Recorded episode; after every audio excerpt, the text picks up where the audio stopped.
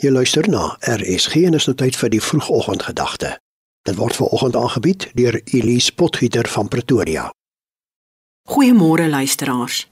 Daar was eendag 'n baie groot besigheid met 'n streng uitvoerende direkteur. Hy het hoë verwagtinge vir sy werkers gehad.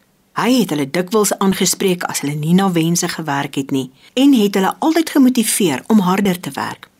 Een oggend kry al die werkers 'n nota dat die persoon wat hulle nog altyd teruggehou het om te presteer, die vorige dag oorlede is en dat die begrafnisdiens in die konferensiekamer gehou gaan word.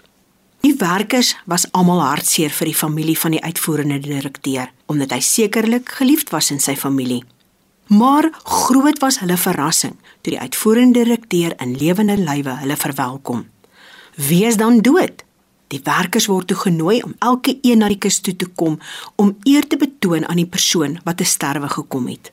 Maar in die kus was slegs 'n spieël.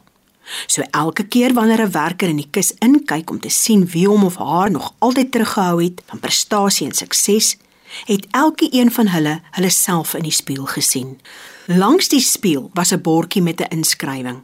Dit het gelees: Die enigste persoon wat jou kan laat groei en presteer, is jouself. Jy is die enigste persoon wat jouself suksesvol kan maak.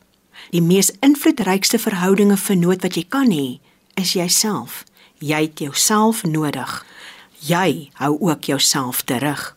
Sommer binne die eerste 3 hoofstukke van die Bybel leer ons van die mens wat spontaan weier om verantwoordelikheid te vat vir hom of haarself en ander blameer vir die foute wat hulle begaan. En die eerste twee blameer verskuiwers op aarde was Adam en Eva.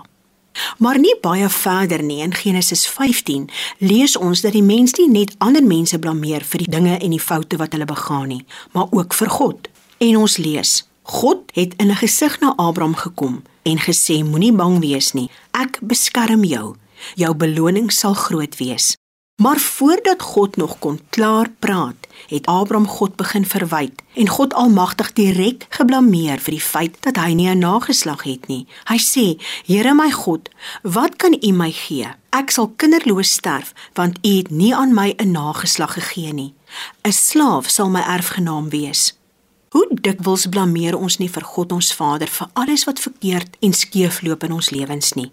Dit terwyl ons in baie gevalle direk en indirek verantwoordelik gehou kan word vir gebeure wat uit ons handel en wandel voortgespruit het.